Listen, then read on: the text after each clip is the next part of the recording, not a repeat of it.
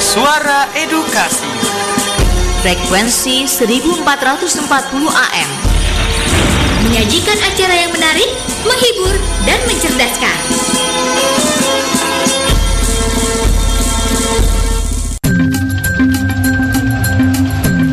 Sahabat edukasi, tahukah kamu bahwa tidak semua ikan di laut bernafas dengan insang? Contohnya ikan paus yang bernafas dengan paru-paru. Selain itu, ikan paus bokok jantan memiliki lagu khas yang biasa mereka nyanyikan untuk merayu pasangannya. Unik kan? Nah, makanya ya, terus dengarkan suara edukasi karena masih banyak lagi informasi yang akan kalian dapatkan dalam acara Kita Perlu Tahu. Hanya di 1440 AM Suara Edukasi yang akrab dan mencerdaskan. Kita perlu tahu. Kita perlu tahu. Kita perlu tahu. Kita perlu tahu. Kita perlu tahu. Kita perlu tahu. Halo sahabat edukasi. Wow. Kembali Halo, berjumpa sahabat ya. edukasi. Selamat pagi, selamat hari Senin kembali ya. Yap, tentunya bersama kita berdua. Wih ya, yang duet sangat baik sekali sahabat dikasih ya. Tentunya ini untuk menemani sahabat dikasih di edisi kali ini tentunya eh, kita hadir dalam program apa siswa? Eh, di program kita perlu tahu. Wah, ini menarik sahabat dikasih ya. Apalagi yang saat ini sahabat dikasih sedang eh, menonton melalui live Instagram kita. Selamat bergabung ya. Ini langsung banyak yang bergabung. Halo sahabat dikasih dan juga ada eh, sahabat dikasih yang mendengarkan secara streaming juga ya. Kita ingin Iya. menyapa ya melalui suara edukasi .kemdikbud.go.id. Ya, kami tunggu partisipasi sahabat edukasi Hmm. yang mau request lagu, kirim salam dan sebagainya.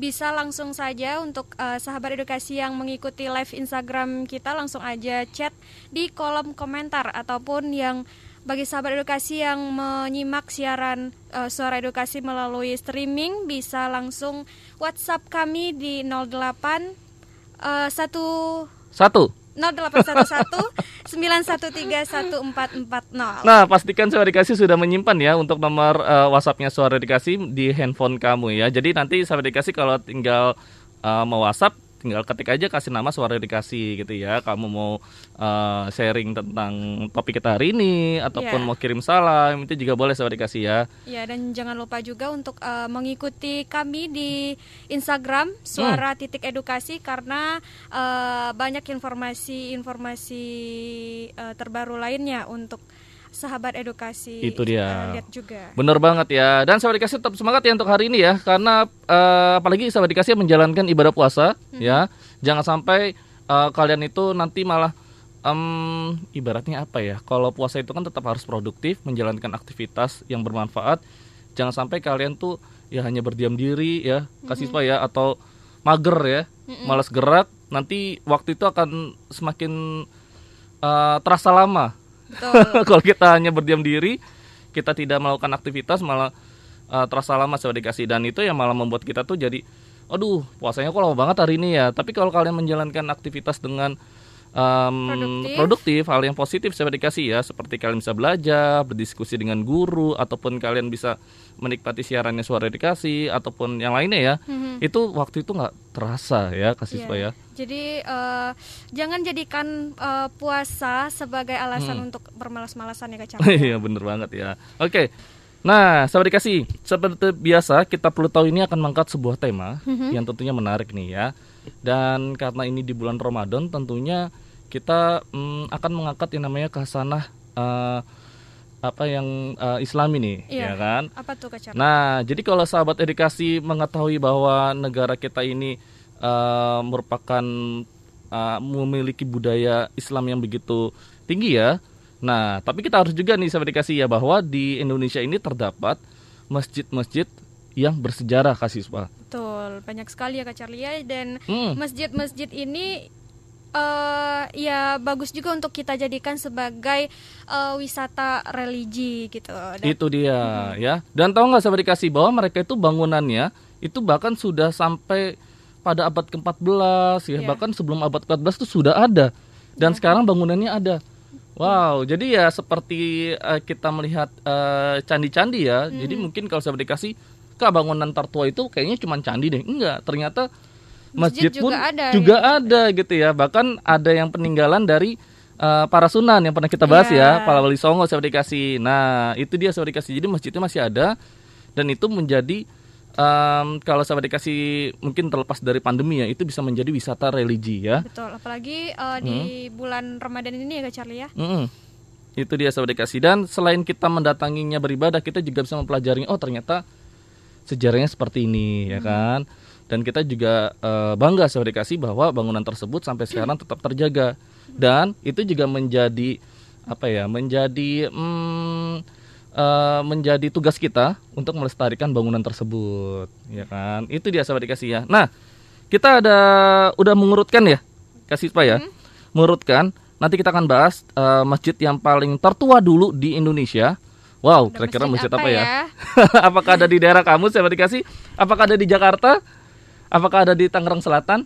Ya, nanti kita eh, nanti kita apa? Kita bahas ya Kita Charlie. bahas ya, tentunya kita bahas dan tentunya ini dari berbagai daerah aduh loh, kasih ya. Mhm. Ini luar biasanya loh. Bahkan sampai ada yang di Indonesia bagian timur juga ada. Ya, jadi tidak hanya di Pulau Jawa yang memiliki masjid tertua tapi sampai ke bagian timur tuh juga ada. Wah, kira-kira masjidnya ada di mana ya? Nanti kita akan bahas ya bersama Kasiswa juga, bersama Kak Charlie. Dan silakan bagi sahabat dikasih ya sini sedang join di live Instagram, kamu bisa komen em, di live komen ya, tetap ya atau mau kirim salam untuk teman-teman kamu juga bisa. Dan untuk sahabat dikasih yang saat ini bergabung oleh streaming sekali lagi silakan langsung WhatsApp aja di 0811 913 9 eh 913 1440 Oh ya Kak Charlie, Kak Siva Hmm. juga mau mengajak sahabat edukasi untuk ikut eh, menyemarakkan Hari Pendidikan Nasional nih Kak Charlie yang Hmm. sebentar lagi sebentar lagi. akan kita peringati setiap tanggal 2 Mei ya Kak Charlie ya. setiap tanggal 2 Mei. Ingat ya sahabat dikasih ya? Iya. Betul. Ya, Kak Sisva ingin mengajak sahabat edukasi, sahabat edukasi untuk ikut berpartisipasi dengan mengirimkan rekaman audio kamu eh, apa me- mengucapkan selamat Hari Pendidikan Nasional seperti yang sudah kita beritahukan juga di Yap. sosial media Suara Edukasi di Instagram Suara Edukasi eh, dengan mengirimkan ucapan selamat Hari. Pendidikan Nasional disertakan dengan harapan sahabat edukasi untuk pendidikan di eh, Indonesia ini untuk itu ke depannya. dia ya jadi jangan lupa sahabat dikasih bagi kamu nih yang sering mengirimkan voice note voice note nih boleh ya Ya. mengirimkan voice note ke suara edukasi ya menyebutkan nama asal kamu terus harapan yang tadi ya ucapannya boleh sahabat dikasih jadi kirim voice note ke suara edukasi Dan ayo Kak dong Charlie ada hadiah pulsa juga loh Wah. untuk dua udah orang yang hmm, beruntung. udah eh, ucapan kamu diputarkan terus kamu berkesempatan juga mendapatkan pulsa Hmm. Wow, ya jangan sia-siakan kesempatan itu ini dia ya suara edukasi. Ya, ayo kirimkan voice note ya ke suara edukasi ya. Nanti Kak Charlie juga mau kirim deh. boleh, boleh, boleh. Oke, setelah ini kita akan kembali lagi. Kita akan membahas masjid bersejarah di Indonesia. Tentunya ini menarik untuk kita eh, apa namanya eh, sampaikan juga ya untuk sahabat edukasi. Jadi tetap bersama kami hanya di suara edukasi. Yang akrab dan mencerdaskan. Kita perlu tahu. Kita perlu tahu. Kita perlu tahu. Kita perlu tahu. Kita perlu tahu. Kita perlu tahu. Ya, masih dari Geraha Media Pusdatin Kementerian Pendidikan dan Kebudayaan Suara Edukasi yang akrab dan mencerdaskan. Masih bersama Kak Sisva dan juga Ada Kak Charlie ya. Nah, itu dia. Ditemani juga oleh our DJ kita. Yes. bersama Kak Sarif juga ya. Nah, jadi kalau untuk sahabat dikasih yang saat ini sedang ikutan live di Instagram, halo sahabat dikasih, apa kabar? Nah, jangan lupa juga kalian bisa ketik ya di kolom komentar kalau kalian ingin kirim salam ataupun kalian ingin ikutan eh, berkomentar ya tentang topik kita edisi kali ini terkait dengan masjid bersejarah di Nusantara. Nah, boleh ya, silakan sahabat dikasih langsung aja ketik di eh, kolom chatnya Suara Edukasi. Dan kalau yang saat ini mendengarkan streaming Suara Edukasi, juga bisa kamu langsung aja WhatsApp ke nomor 081191314440 ya untuk nomor WhatsAppnya Suara Edukasi. Itu dia ya. Nah, selanjutnya Kak Siswa kita akan membahas masjid bersejarah di Indonesia. Yang pertama itu ada Masjid Saka Tunggal ya Kak Saka. Tunggal. Ya, Masjid Saka Tunggal eh, yang terletak di Banyumas. Ini masjidnya penuh filosofi nih Kak Charlie. Wow. Jadi masjidnya itu berada di lembah yang diapit oleh perbukitan. Hmm. Kebayang gak sih suasana masjidnya itu kayak gimana Wah, ya? pasti sejuk banget Sejuk ya. banget ya Wah, udaranya juga bersih ya Kak Hmm. Charlie. Nah, tepatnya di Desa Cikakak, Kecamatan Wangon, Banyumas. Nah, buat eh, sahabat edukasi yang mungkin berada di sekitar Banyumas, Banyumas mungkin sudah tahu ya dengan masjid ini. Masjid Saka Tunggal. Wah, ini masjid tertua juga ya. Kasispa ya. Mm-mm. Eh, nama masjid eh, apa? Ma- maksudnya nama masjid Mm-mm. ini lebih dikenal dengan Masjid Baitus Salam, Kak Charlie. Mm-mm. Eh, dan dipercaya masyarakat setempat itu berusia, berusia sudah ratusan tahun, Kak Charlie. Oke. Jadi ya masjid ini juga eh, di dinobatkan sebagai Mm-mm. masjid tertua ya Kak Charlie ya. Mm-mm. Itu dia ya saudara dikasih. Dan menariknya saudara dikasih, jadi kalau Masjid Saka Tunggal itu ada kata yang namanya Saka Guru. Mhm. Nah, Saka Guru itu artinya adalah tiang utama. Jadi masjid ini mencatat eh, tentang tahun berdirinya ya, yaitu pada tahun 1288. Jadi sekitar abad ke-12 ini masjid ini sudah berdiri dan saat ini masih ada. Mm-mm. Wah, luar biasa saudara dikasih ya. Dan Nah, ada cerita nih hmm, Kak Charlie, ada gimana? legenda yang eh, beredar ya di masyarakat setempat itu Hmm. bahwa dulu itu ada eh, di yang namanya masjid ya banyak eh, santri-santri gitu Hmm. tapi mereka itu eh, suka gangguin orang sholat atau apa Hmm. dan dikutuk menjadi eh, monyet jadi Oke. di sana itu eh, banyak monyet-monyet yang hidup Hmm. eh, apa namanya hidup berhidup di di sana Mm-mm. Eh, dan itu masyarakatnya itu mempercayai ceritanya seperti itu gitu. Oke. Jadi monyet-monyet itu awalnya dari santri yang suka mengganggu orang sholat, Oke. terus dikutuk menjadi eh, monyet dan Oke. sekarang memang di sana itu banyak monyet-monyet eh, berekor panjang Kak Charlie. Tapi itu Nah. kan cerita Ha-ha. legenda. legendanya ya. ya, mitosnya ya sahabat dikasih ya. Wah menarik sahabat dikasih. Jadi kalau kamu ingin berkunjung ke Masjid Saka Tunggal, langsung saja tadi ke Desa Cikakak ya di Kabupaten Banyumas. Wah luar biasa sahabat dikasih ya.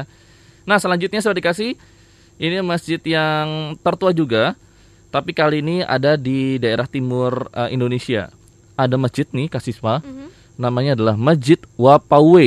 Wow, namanya ini kayaknya em, berbeda dengan nama masjid umumnya ya. Nah, jadi ada nama masjid saya dikasih Masjid Wapawe. Ini adalah masjid tertua di Maluku. Oh, jadi di Maluku sana kasih semua itu ada masjid juga yang yang bersejarah dan juga eh, tertua juga ya dan merupakan bukti sejarah Islam di Maluku pada masa lampau saya dikasih. Yang tidak kalah unik dan bersejarah adalah karena di tempat itu ya di Masjid Wapawe masih tersimpan mushaf Al-Qur'an yang juga kabarnya termasuk tertua di Indonesia. Wah, luar biasa ya. Al-Qur'an yang dimaksud adalah mushaf eh, Imam Muhammad Ari Kulapesi ya yang selesai ditulis tangan pada tahun 1550 tanpa hiasan pinggir dan Mushaf Nur Cahya yang selesai ditulis pada tahun 1590 dan juga tidak diberi hiasan pinggir. Wow. Ya. Luar biasa ya. Selain dua Al-Qur'an tersebut saya dikasih di Masjid Wapawe ya, ini masih menyimpan benda bersejarah lainnya seperti kitab Barzanzi yang berisi syair atau puji-pujian kepada Nabi eh, Nabi Muhammad ya dan kumpulan naskah khotbah bahkan ada yang berasal dari tahun 1661 Masehi ya serta ada kalender Islam tahun 1407 Masehi serta manuskrip Islam lainnya yang sudah berusia ratusan tahun. Wah, ini seperti datang ke masjid itu sekalian kayak mengunjungi museum ya. Betul. Ya, jadi yang namanya masjid bersejarah tentu Mm-mm. banyak eh, apa ya, banyak eh, yang tersimpan di sana yang yang perlu yang harus kita ketahui juga. Itu dia sahabat dikasih ya. Nah, jadi kalau sahabat dikasih yang tinggal di Maluku ya, jangan sampai kalian tidak mengetahui bahwa di sana itu ada masjid tertua juga ya. Mhm. Di daerah timur namanya Masjid Wapawe. Ingat sahabat dikasih ya, ada Masjid Wapawe di Maluku yang merupakan tertua di sana. Wih, menarik ya. Ini kalau kita jalan-jalan ke Maluku, boleh nih kasih Harus supaya datang ke sini ya, pengen lihat gitu ya yang tadi dibilang Al-Qur'an tertua di sana juga yang pernah ditulis ya. Dan sampai sekarang masih bertahan loh. Ini luar biasa loh, udah berapa abad ya bertahan ya. Oke, sobat dikasih ya. Luar biasa sobat dikasih tadi ada Masjid Saka Tunggal yang di Manjimas dan juga ada Masjid Wapawe ya di Maluku yang didirikan pada tahun 1414 dan setelah ini masih ada masjid lainnya ya yang masih uh, berusianya itu sudah ada sejak abad ke-14. Kira-kira ada masjid apa lagi sahabat dikasih? Nah, ini menarik untuk kita bahas ya. Jadi setelah ini kita akan uh, kembali lagi dengan pembahasan menarik terkait dengan masjid bersejarah di Nusantara. Wah, ya. kira-kira apakah di daerah kamu masjidnya? Nah, pokoknya nantikan kita ya tetap di suara dikasih yang akrab dan mencerdaskan. Kita perlu tahu. Kita perlu tahu. Kita perlu tahu. Kita perlu tahu. Kita perlu tahu. Kita perlu tahu. Ya, sahabat dikasih kembali di suara dikasih akrab dan mencerdaskan. Tetap semangat sahabat dikasih ya untuk menjalankan aktivitas kalian, apalagi sahabat dikasih yang saat ini sedang melakukan belajar dari rumah, ya. Dan saat ini kalian sedang menjalankan ibadah puasa, tetap semangat sahabat dikasih ya. Dan bagi kalian yang juga sedang menyelesaikan tugas-tugasnya, sahabat dikasih tetap semangat untuk menyelesaikan tugasnya. Semoga aktivitas kalian uh, hari ini um, tetap terlaksana dengan baik ya. Itu dia. Dan terutama menjaga kesehatan penting di siswa ya. Iya, apalagi di kita masih uh, apa ya? Di era pandemi. Di era pandemi. Hmm, jangan ya, sampai kita adalah hal yang utama. Iya, jangan sampai nanti kita malah melupakan protokol kesehatan sudah dikasih ingat kita masih di masa pandemi ya. Dan lonjakannya juga kalau di dunia ini juga masih tinggi ya. Hmm. Itu dia. Dan uh, Kak Siswa, kita hmm. akan membahas dulu yang pertama ini terkait dengan Ki Hajar Explorer. Ya, betul. Ya, jadi sahabat edukasi yang belum tahu nih ya informasi tentang Ki Hajar Explorer. Ki Hajar Explorer ini hadir setiap hari loh sahabat edukasi. Kalian bisa uh, apa menjawab soal-soal yang diberikan uh, oleh Ki Hajar Explorer. Soalnya bisa dilihat di feed Instagramnya Suara Edukasi. Cara menjawabnya gimana Kak Charlie? Nah, gampang banget Suara Edukasi. Untuk cara menjawabnya, nanti kalian akan diantarkan ke yeah. sebuah link.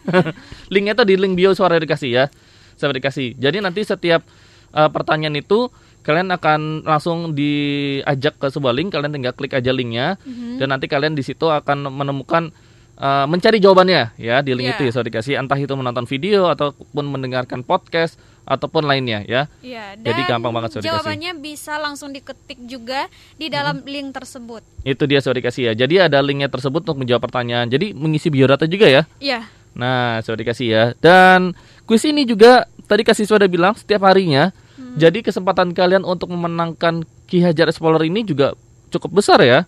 Iya dan tentunya hmm. uh, juga akan mendapatkan hadiah hmm. menarik hadiah spesial dari Ki Hajar Explorer. Nah eksklusif. Itu dia. Dan kalau sahabat dikasih yang sudah mengikuti sekali tapi belum berhasil itu masih kita berikan kesempatan terus ya. Yeah. Jadi sudah dikasih kalau yang sudah mengikuti eh, mengikuti Hajar Explorer tapi belum berhasil, ayo dicoba lagi, dicoba lagi, dicoba lagi ya. Karena ini setiap harinya pasti uh, kita akan mendapatkan satu pemenang ya mm -hmm. setiap harinya. Dan kita akan mengumumkan pemenang Hajar Explorer edisi 25 April 2021. Nah, iya, kira-kira yeah, ada siapa? Untuk siapa dikasih yang kemarin sudah mengikuti Hajar Explorer, apakah kalian akan mendapatkan hadiah? Ya, kita akan umumkan langsung aja ya ke siswa ya. ya. Langsung aja Kak Charlie, pemenangnya adalah Jeng jeng jeng. Ayo, ada siapa? Ada Ardi Nantika Ismahera Miranti ya dari SMP Negeri wow, 1 selamat ya Dolopo Jawa Ardi Timur Nantika ya. Ismahera. Ya, dan sekali lagi. itu dia ya. Dan untuk uh, nama Instagramnya adalah @mueza.mahera ya. SMP Negeri 1 Dolopo ini ada di Jawa, di Madiun ya, Madiun Jawa Timur. Wah, menarik ya. Selamat untuk Ardi Nantika Ismahera Miranti dan semoga uh, bisa menginspirasi bagi sahabat edukasi semua ya untuk mengikuti Ki Hajar Explorer ya. Pokoknya langsung aja kalian um, lihat-lihat postingannya Suara Edukasi karena di, di sana ada pengumuman atau petunjuk untuk mengikuti kuis Ki Hajar Explorer. Betul. Menarik ya. Oke, kita kembali ke topik ya, Kasiswa ya. Mm -hmm. Terkait dengan masjid bersejarah Ya sebelumnya kita mau Nusantara. nyapa dulu nih Kak Charlie yang yang mengikuti kita hmm? live di Instagram ada Ada siapa aja nih ya? Ada Eka Umu Zaidan, ada Yuslina Yuslinar Tabita. Oke okay, ya. Masjid Masjid Bangkok di Sumatera Utara Min, masjid yang unik di Kota Medan. Wah, ya benar sekali ya. Jadi di Medan ini juga ada masjid yang uh, tertua di sana ya, hmm. namanya Masjid Bangkok ya. Ya, kasih juga Nanti kita akan bahas ya. Uh, baca-baca ya hmm. Kak lihat tentang Masjid Bangkok ini merupakan uh, masjid uh, ibaratnya seperti masjid uh, simbol toleransi mm -hmm. ya, simbol toleransi umat beragama yang ada di kota Medan. Wah, menarik ya. Dan masjid ter tersebut sudah ada sejak abad ke-18 ya untuk masjid Bangkok tersebut. Kita masih menyapa ya, ada siapa lagi? Oh, ini yang berjoin. Halo, Kak Hanifan. Terus ada Rizal Rizal Hi ya 23 namanya unik-unik ya kasih ya ya bisa di apa kalau uh, nama-nama ini unik ada yang susah dibaca loh ya jadi kita mau menyapa juga bingung nih dibacanya apa nih uh, ya pokoknya itu ya NR NRLD HI ah kita lah pokoknya Ya, sudah banyak yang bergabung juga tadi bersama kami ada Gibran Maharati, ada Aurel, Gania, ada Adias dan juga tadi di awal itu yang bergabung dengan kita seperti biasa ada Maeswari ya. Halo Kak Maeswari, ini masih join bersama kita ya. Terus ya kayak Mas juga menyapa. Halo Kak Charlie, Kak Sispa, halo juga ya. Oke, kita lanjut pembahasan uh, masjid bersejarah. Mm-hmm. Ini dari aku dulu ya. Nah, seperti kasih kalau tadi ada yang sudah ngasih informasi ya ada dari Yus, uh, Yusli Nabita kasih tahu ada masjid uh, di Sumatera Utara namanya Masjid Bengkok. Nah kali ini ada di Pulau Jawa ya yang merupakan tertua juga seperti kasih yang sudah ada sejak abad ke-14 ada Masjid Ampel. Nah Masjid Ampel ini seperti kasih terletak di Kelurahan Surabaya Jawa Timur ya masjid yang berukuran cukup luas seperti kasih yaitu 120 kali 180 meter didirikan oleh Sunan Ampel ya pada tahun 1421. Jadi ini uh, peninggalannya Wali Songo ya, kasih ya. Dan Sunan Ampel um, dimam uh, yang meninggal itu dimakamkan di sebelah barat masjid ini. Jadi kalau saya dikasih datang ke Masjid Ampel itu bisa berziarah sekalian nih kasih ya untuk berziarah ke makamnya uh, Sunan Ampel sebagai kasih. Dan di Surabaya sendiri, bangunan ini sudah menjadi salah satu objek wisata religi ya.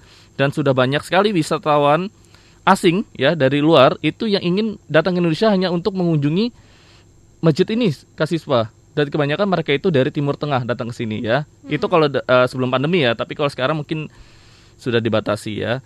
Dan masjid dan makan Sunan Ampel merupakan salah satu bangunan tua dan bersejarah di wilayah Surabaya ya. Dan uniknya di sana di bangunan sana ada 16 tiang utama Masjid Ampel yang terbuat dari kayu jati ya dan sekarang ini masih kokoh berdiri loh sahabat kasih ya sejak pertama kalinya berdiri. Wow, menarik ya. Kak Ceri jadi pengen lihat ya seperti apa ya kayu jati bisa sampai kokoh sampai Tahan saat sampai ini ya. Ya. Itu dia. Tapi Masjid Ampel sudah mengalami tiga kali uh, perluasan sahabat kasih ya sejak tahun 1926, 1954 dan juga 1972. Sampai sekarang masih berdiri dan masih uh, dikunjungi oleh uh, banyak orang juga ya mm-hmm. untuk ke sana. Itu yeah. dia Sunan Ampel yang uh, peninggalan itu adalah Masjid Ampel di Surabaya. Surabaya. Selanjutnya apa nah, nih? Selanjutnya ada Masjid Agung Demak Kak Charlie. Nah, wow. ini juga merupakan salah satu masjid peninggalan Wali Songo Wali Songo ya? Kak Charlie, iya. Hmm. Uh, the Masjid Agung Demak ini masjid kuno yang dibangun oleh Raden hmm. Patah dari Kerajaan Demak Kak Charlie dibantu oleh uh, para wali Songo pada hmm. abad ke-15 Masehi. Wow, udah lama banget ya Udah lama banget ya berarti ya. Dan masjid ini hmm. termasuk salah satu jajaran masjid masjid tertua juga di Indonesia. Dan masjid ini berlokasi di ka, di Kampung Kauman, Kelurahan hmm. Bintoro, Kabupaten Demak, Jawa Tengah.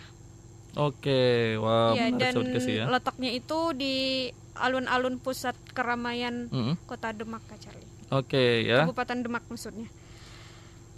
Jadi eh, nggak uh, sulit ya kalau misalnya mau berkunjung ke sana hmm. mudah untuk ditemukan. Iya. Ini bicara mengenai Demak, aku jadi ingat uh, rekan kerja kita juga yang dari Demak. Ada Mas Arif ya. Oke. Okay. Dan di sana saya dikasih masjid, di Masjid Demak juga terdapat uh, museum kecil ya. Di mana museum tersebut juga terdapat peninggalan-peninggalan uh, pada masa lampau ya yang dapat kalian bisa lihat di sana. Wow, seperti Al-Qur'an dan juga lainnya. Wah, ya, itu menarik dan ya. uniknya hmm? uh, di Masjid Agung Demak ini uh, adalah tempat berkumpulnya wali songo yang menyebarkan agama Islam di tanah hmm? Jawa Kacarlina. Makanya uh, Demak ini mendapat sebutan sebagai kota wali Kacarlina. Kota wali songo. Wah, menarik sorry kasih ya. Tepatnya ini uh, bisa menjadi uh, sahabat dikasih kalau ingin mengenal lebih jauh sejarah Islam bagaimana ya mungkin kota Demak ini menjadi salah satu acuannya ya hmm untuk melihat bangunan-bangunan tertua di sana, apalagi Masjid Demak ini saudara dikasih bisa mempelajarinya juga sekalian di sana ya. Nah, nanti setelah ini kita akan bahas lagi masjid uh, tertua lainnya dan untuk saudara dikasih kalau kamu ya ingin memberikan informasi ke kita silakan ya. Misalnya kalian berada di daerah Cirebon atau berada di daerah Lampung. Kalau kalian punya uh, ibaratnya informasi terkait masjid tertua di daerah kalian, nah silakan ya kamu bisa langsung chat ke kami seperti tadi yang diinfokan oleh Kak Yuslinar nah, uh, Tarbita ya terkait itu ya ada masjid Bengkok ya yang merupakan tertua di Sumatera Utara. Nah jadi untuk sahabat dikasih ya saat ini sedang join live di Instagram, kamu punya informasi terkait masjid tertua di daerah kamu, langsung aja kasih tahu ke kita ya. Oke, setelah ini kita akan bahas lagi masjid tertua lainnya yang tentunya ini menarik untuk kita bahas. Jadi tetap bersama kami ya, hanya di Suara Dikasih. Yang akrab dan mencerdaskan. Kita perlu tahu. Kita perlu tahu. Kita perlu tahu. Kita perlu tahu. Kita perlu tahu. Kita perlu tahu. Sahabat dikasih masih bersama kami berdua ya. Ada Kak Siswa, Kak Charlie. Oh ya ada Kak Sarif juga ya. Tentunya menemani sahabat dikasih di program kita perlu tahu. Nanggung amat Om. Say hai dong Kak Syarif. Iya kan? Oke ya. Dan sahabat dikasih tentunya kalian masih di Suara Dikasih akrab dan mencerdaskan. Selamat bergabung bagi kalian yang bergabung melalui live Instagram Suara Dikasih ya ataupun bagi kalian yang mendengarkan secara streaming yaitu di suaradikasih.kemdikbud.go.id ya. Kita masih membahas terkait dengan masjid uh, bersejarah di Nusantara ya, Ya, Siswa ya. bersejarah di Ada Nusantara. masjid apa lagi nih Kak Siswa? Nah, selanjutnya ada Masjid Sultan Suryansyah. Hmm. Masjid Sultan Suryansyah. Nah, ini merupakan masjid tertua di Pulau Kalimantan, sahabat edukasi. Wow, di Kalimantan ternyata juga ada ya. Iya, betul. Hmm. Dan masjid ini terletak di tepi Sungai Kuin. Sungai Hmm. Kuin, eh, Kecamatan Banjar, Kota Banjarmasin. Dan dibangun sekitar tahun 1525 sampai 1550 Masehi. Oke. Wow, udah beneran udah tua. Hmm. Dan pada masa pemerintahan Sultan Suryansyah, Raja Banjar pertama yang memeluk agama Islam. Nah, jadi eh, Masjid Sultan Suryansyah ini dibangun pada masa pemerintahan Sultan Suryansyah. Eh, beliau merupakan Raja Banjar yang pertama dan yang pertama memeluk eh, agama Islam. Oke. Dan Wow. eh, sahabat edukasi keung- keunikan dari masjid ini adalah eh, atapnya masih asli ya, sahabat edukasi atap- atapnya masih asli, hanya puncaknya yang mengalami perubahan diganti dengan bentuk kubah. Tetapi wujud aslinya yakni atapnya yang berbentuk tumpang empat masih terlihat dengan jelas. Oke ya, jadi sahabat dikasih kalau keunikan di sana masih tetap terjaga ya, Betul. dan itu pun masih bertahan sampai sekarang. Jadi kalau sahabat dikasih yang berada di daerah Banjarmasin, ya ada di Kalimantan Selatan, wah ini kalian wajib tahu ya bahwa di sana itu ada masjid tertua juga ya, yang saat ini masih berdiri kokoh. Wah luar biasa sahabat dikasih. Oke, selanjutnya Kak Siswa nih, menarik nih. Ini ada lagi yang peninggalan Wali Songo juga, Ya, yaitu ada Masjid Menara Kudus ya. Dan sahabat dikasih menariknya, Masjid Menara Kudus ini juga eh, disebut oleh orang sana itu sebagai Masjid Al Aqsa atau Masjid Al Manar ya. Dan masjid ini dibangun pada tahun 1459 oleh Sunan Kudus. Nah, ini adalah wali songo di Indonesia juga sahabat dikasih ya. Dan Sunan Kudus ini membangun masjid tersebut ya menggunakan Baitul Maqdis dari Palestina sebagai batu pertamanya ya. Dan masjid ini adalah perpaduan antara gaya Islam dan Hindu. Hal ini terlihat sahabat dikasih dari bentuk menaranya yang unik seperti bangunan candi. Nah, jadi kalau kita lihat nih atau kalau sahabat dikasih misalnya mau lihat di YouTube gitu ya, memang dia ada kayak kayak candi seperti gitu loh di menaranya itu. Jadi unik ya. Jadi ini Iya, perpaduannya seperti itu. Dan Sunan Kudus ini adalah sosok yang bijaksana sahabat dikasih sebagai pendiri dan pemakarsa Masjid Menara Kudus ini, saudara dikasih ya.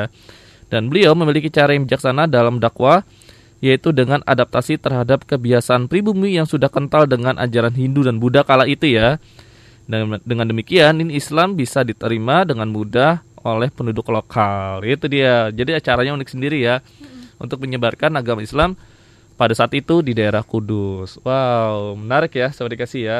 Dan sahabat dikasih, itu tadi dia ada dari Banjarmasin dan juga ada Kudus. Kalau kamu punya uh, rekomendasi ya terkait dengan masjid um, tertua di daerah kamu, silakan kamu bisa share ke kami. Langsung saja ketik di kolom kolom chat uh, Instagram ataupun bisa melalui WhatsApp kami di 0811 913 91 uh, 1440 ya.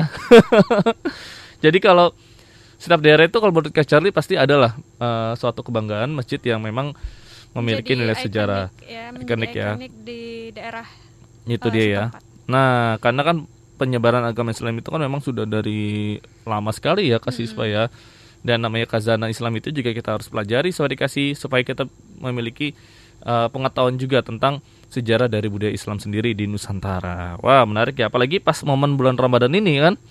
Sekalian kalian berliterasi.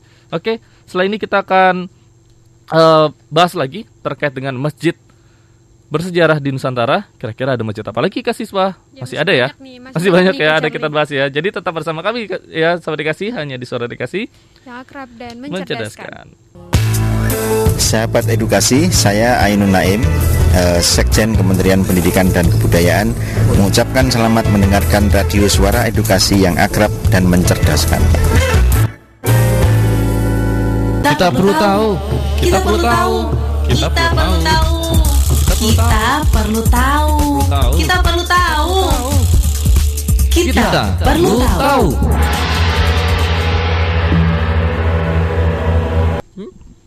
Ya, masih bersama Kasih dan juga Kak Charlie di yep. Radio Suara Edukasi. Tentunya masih di acara Kita Perlu Tahu. Nah, kita masih membahas yaitu adalah masjid bersejarah di Nusantara ya, Kasih ya. ya. Nah menarik ya kalau tadi kita sudah jalan-jalan ke kota Kudus, terus jalan-jalan ke Demak juga ya ke siswa ya. Terus iya, juga nah. tadi ke Surabaya, terus tadi kita juga diajak untuk mengetahui ada uh, masjid namanya Masjid Bengkok di Sumatera Utara ya. Dan kali ini kita masih um, berada di Pulau Jawa. Nah, dari kasiswa dulu deh, ya. ya. Nah, selanjutnya ada Masjid Agung Banten. Hmm, di Banten ternyata ada ya masjid tertua juga ya. Iya, Kak Charlie. Nah, hmm. Masjid Agung Banten ini dibangun pertama kali oleh Sultan Maulana Hasanuddin, Kak Charlie. Hmm. Itu sekitar tahun 1552 hmm. sampai 1570. Oke. Okay. Nah, pendiri masjid ini uh, pendiri Masjid Agung Banten ini pertama dari Kesultanan Banten yang hmm. merupakan putra pertama dari Sunan Gunung Jati. Oh, jadi ada kaitannya yeah. dengan masih dengan Wali Songo ya? Betul Kak Charlie. Hmm. Dan yang unik dari masjid ini adalah bentuk atapnya yang tumpuk lima miring dengan pagoda Cina. Jadi wow. uh, hmm. masjid ini didesain oleh arsitek dari Cina yang sudah memeluk agama Islam gitu Kak Charlie. Hmm. Namanya adalah Jack Banjut. Jack Oke, okay. yeah. itu ya. Wow, jadi ini menarik juga saya dikasih bahwa di Banten ini masih kaitannya dengan uh, Sunan atau Wali Songo ya, dan ini ini bisa menjadi referensi juga untuk saya dikasih yang ingin berkunjung uh, sebagai wisata religi ya. Apalagi kalau saya dikasih yang berada di daerah Serang atau daerah Banten lah ya sekitarnya, ini bisa saya dikasih kamu mengunjungi Masjid Agung Banten ya. Hmm. Wow, menarik sorry kasih ya. Dan uniknya lagi Kak Charlie, hmm. masjid ini mempunyai uh, apa ya? Mempunyai menara hmm. yang bentuknya mirip seperti mercusuar. Oke. Okay. Bangunan mercusuar. Hmm. Dan puncaknya setinggi 24 meter Kak Charlie. Okay. Dan ya. Uh, hmm. untuk bisa menaiki, men, menaiki sampai ke puncak itu ada hmm. ada 83 anak tangga. Wah, menarik nih saya dikasih ya. Nah, dan dan uh, anak tangga itu seperti lorong gitu kecuali mm -hmm. yang hanya bisa dilewati mm -hmm. oleh satu orang. Jadi kalau misalnya berpapasan mm -hmm. itu sulit kecuali. Oke okay, ya. ya. Karena memang uh, tidak terlalu mm -hmm. lebar ya mm -hmm. uh, di uh, di apa di lorong itu. Oke, okay. ini menarik saya dikasih. Jadi ada masjid tapi dia ada menara juga. Mm -hmm uh, seperti suar ya lumayan tinggi juga. Ini menarik ya. Pasti orang tuh tertarik untuk naik ke atas ya, ya. untuk melihat pemandangan ya dari Betul, dari menara tersebut. Masjid Agung Demak huh? eh Masjid Agung Banten. Banten ini posisinya juga tidak terlalu jauh dari pantai. Jadi hmm. kalau misalnya kita naik ke atas, ya pemandangan wow, itu bisa melihat yang namanya keindahan pantai saya dikasih ya, hmm. yang ada di uh, sekitaran Masjid Agung Banten tersebut. Itu ya. Nah, selanjutnya ya, Selanjutnya kita uh, ada masjid yang berada di Kabupaten Jepara nih sudah dikasih. Wow, masjid tersebut bernama Masjid Mantingan. Namanya cukup unik sahabat dikasih ya. Ini terletak di Kabupaten Jepara, Jawa Tengah. Dan sahabat dikasih, masjid ini berdiri pada tahun 1559 Masehi ya, jadi sekitar abad ke-15 dan masjid ini dibangun oleh Kesultanan Demak dan merupakan salah satu pusat aktivitas penyebaran agama Islam di pesisir utara Pulau Jawa ya. Dan sahabat dikasih, jadi di uh, masjid ini juga terdapat uh, makam Sunan yaitu adalah Sunan Mantingan ya yang ramai di uh, kunjungi oleh uh, para apa namanya wisatawan religi yang ingin berziarah di uh, Masjid Mantingan ini saya dikasih ya. Dan saya dikasih jadi masjid ini bisa menjadi referensi bagi kamu yang berada di kota Jepara ya, ini yang berada di Kabupaten Jepara maksudnya hmm. untuk berkunjung ke masjid ya, ya di ya. Masjid Mantingan ini sudah dikasih dan masjid ini cukup besar juga sudah dikasih dan di sana banyak sekali benda-benda bersejarah ya yang bisa kalian bisa masih bisa lihat sampai saat ini. Wow, luar biasa ya. Tadi ada Masjid Agung Banten dan juga di sini ada Masjid Mantingan. Kita masih ada informasi lainnya ya, ke siswa ya, terkait dengan masjid bersejarah di Indonesia. Nah, tunggu setelah ini ya, tetap di Suara Dikasih yang akrab dan mencerdaskan. Kita perlu tahu. Kita perlu tahu. Kita perlu tahu. Kita perlu tahu. Kita perlu tahu. Kita perlu tahu. Oke. Suara dikasih masih di suara dikasih akrab dan mencerdaskan masih bersama kita berdua ya, kasih ya. Dan suara dikasih kita masih membahas masjid bersejarah di Nusantara. Oke. Selanjutnya dari aku dulu ya. Ini aja Masjid Al Hilal Katanga. Wow, kira-kira dari mana nih sahabat dikasih ya? Jadi Masjid Al Hilal ini adalah salah satu masjid tertua di daerah Sulawesi Selatan sahabat dikasih. Masjid ini juga disebut dengan Masjid Katangka karena bahan baku dasar pembuatan masjid ini diyakini diambil dari pohon Katangka. Jadi Katangka itu nama pohon nih kasih ya di daerah sana ya. Dan di sana uh, juga disebutkan coba dikasih ya berdasarkan sebuah prasasti bahwa masjid ini dibangun pada tahun 1603 ya. Dan coba dikasih, tapi ini ada beberapa sejarawan ya yang bilang kalau ini dibangun sejak abad ke-18 ya. Jadi cuma beda tipis ya dari tahunnya sendiri. Dan masjid ini dulunya adalah masjid kerajaan Goa dan terletak di sebelah utara kompleks makam Sultan Hasanuddin saya dikasih. Makam ini diyakini dulunya adalah tempat berdirinya istana uh, Tamalate ya, di mana itu adalah istana Raja Goa saat itu saya dikasih ya. Dan menarik saya dikasih di sana juga terdapat sebuah jalan yang dikenal sebagai Batu Palantikang dan diyakini sebagai jalan yang sering dilintasi oleh raja dan keluarganya saat menuju masjid. Wow, masjid Goa, eh, masjid Goa lagi. Kerajaan Goa itu adalah kerajaan Islam di daerah Sulawesi sana ya. Ini menarik nih. Ada apa lagi nih Kak Siswa nih? Ya, uh, selanjutnya masih dari Provinsi Sulawesi Selatan nih Kak Candi. Hmm. Tepatnya di Kota Palopo. Nama masjidnya adalah Masjid Tua Palopo. Oke, okay, benar ya. Jadi nama masjidnya udah ketahuan nih. Oh, ini di hmm. daerah Palopo gitu.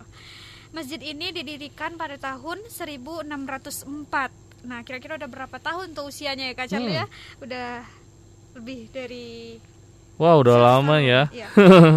Dan okay. didirikan oleh uh, Datu Payung Luwu, hmm. Pati Paswa, Pati Pasaung, hmm. Tuan Pan Tuan Panangi Sultan Abdullah Matin Roy yang merupakan Raja Luwu. Oke. Okay, ya. ya, pada masa awal pemerintahan Sultan Abdullah, ia memindahkan ibu kota kerajaan Luwu dari Patimang ke Ware Palopo atas pertimbangan teknis strategis pemerintahan dan pengembangan ajaran Islam.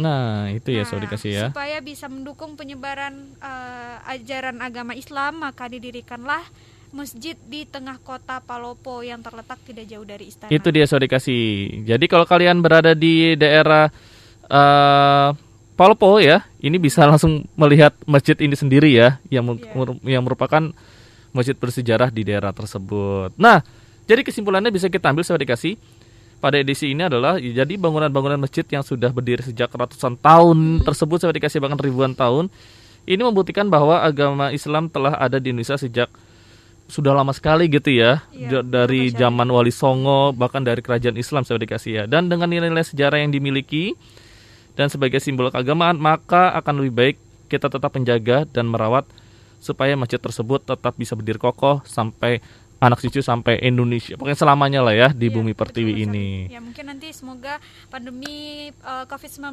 ini segera hilang Mhm, ya dari Indonesia ini dan kita bisa kembali mengunjungi atau berwisata ke masjid-masjid yang ada di di Indonesia. Ya, apalagi di bulan Ramadan ya. Oh, itu dia sahabat dikasih. Dan sahabat dikasih demikian untuk edisi kali ini ya karena sudah di penghujung acara juga. Dan sampai ketemu lain kesempatan selain ini masih ada konten edukasi lain sahabat dikasih yang tidak kalah menarik untuk kalian dengarkan. Dan jangan lupa nanti pada pukul 2 siang ya waktu Indonesia Barat ada program Eksakta. Hmm, yang, Yang- akan dibawakan oleh Kak Wira. Iya ya. Dan sorry kasih kira-kira ada informasi apa yang akan disampaikan oleh di Eksata nanti pokoknya pantengin terus ya Betul. di Instagramnya ataupun melalui streamingnya di suaradikasi.kemdikbud.go.id. Dan juga Kak Charlie jangan lupa juga untuk ikutan uh, Ki Hajar Explorer. Hmm. Itu dia, Yang bener banget. soalnya akan diupload uh, melalui Instagram Suara Edukasi, Suara titik edukasi dan jangan lupa juga untuk memfollow Hmm. supaya kalian tidak ketinggalan informasi informasi penting lainnya dari Suara Edukasi. Itu dia Suara Dikasih ya. Jadi stay tune terus di Suara Dikasih. Oke, Kak Charlie pantun diri.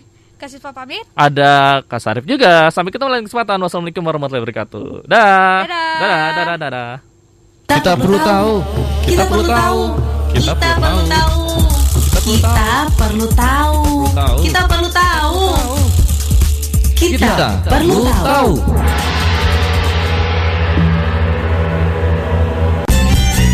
Demikian tadi sajian acara Kita Perlu Tahu. Semoga bermanfaat. Simak dan dengarkan terus Suara Edukasi.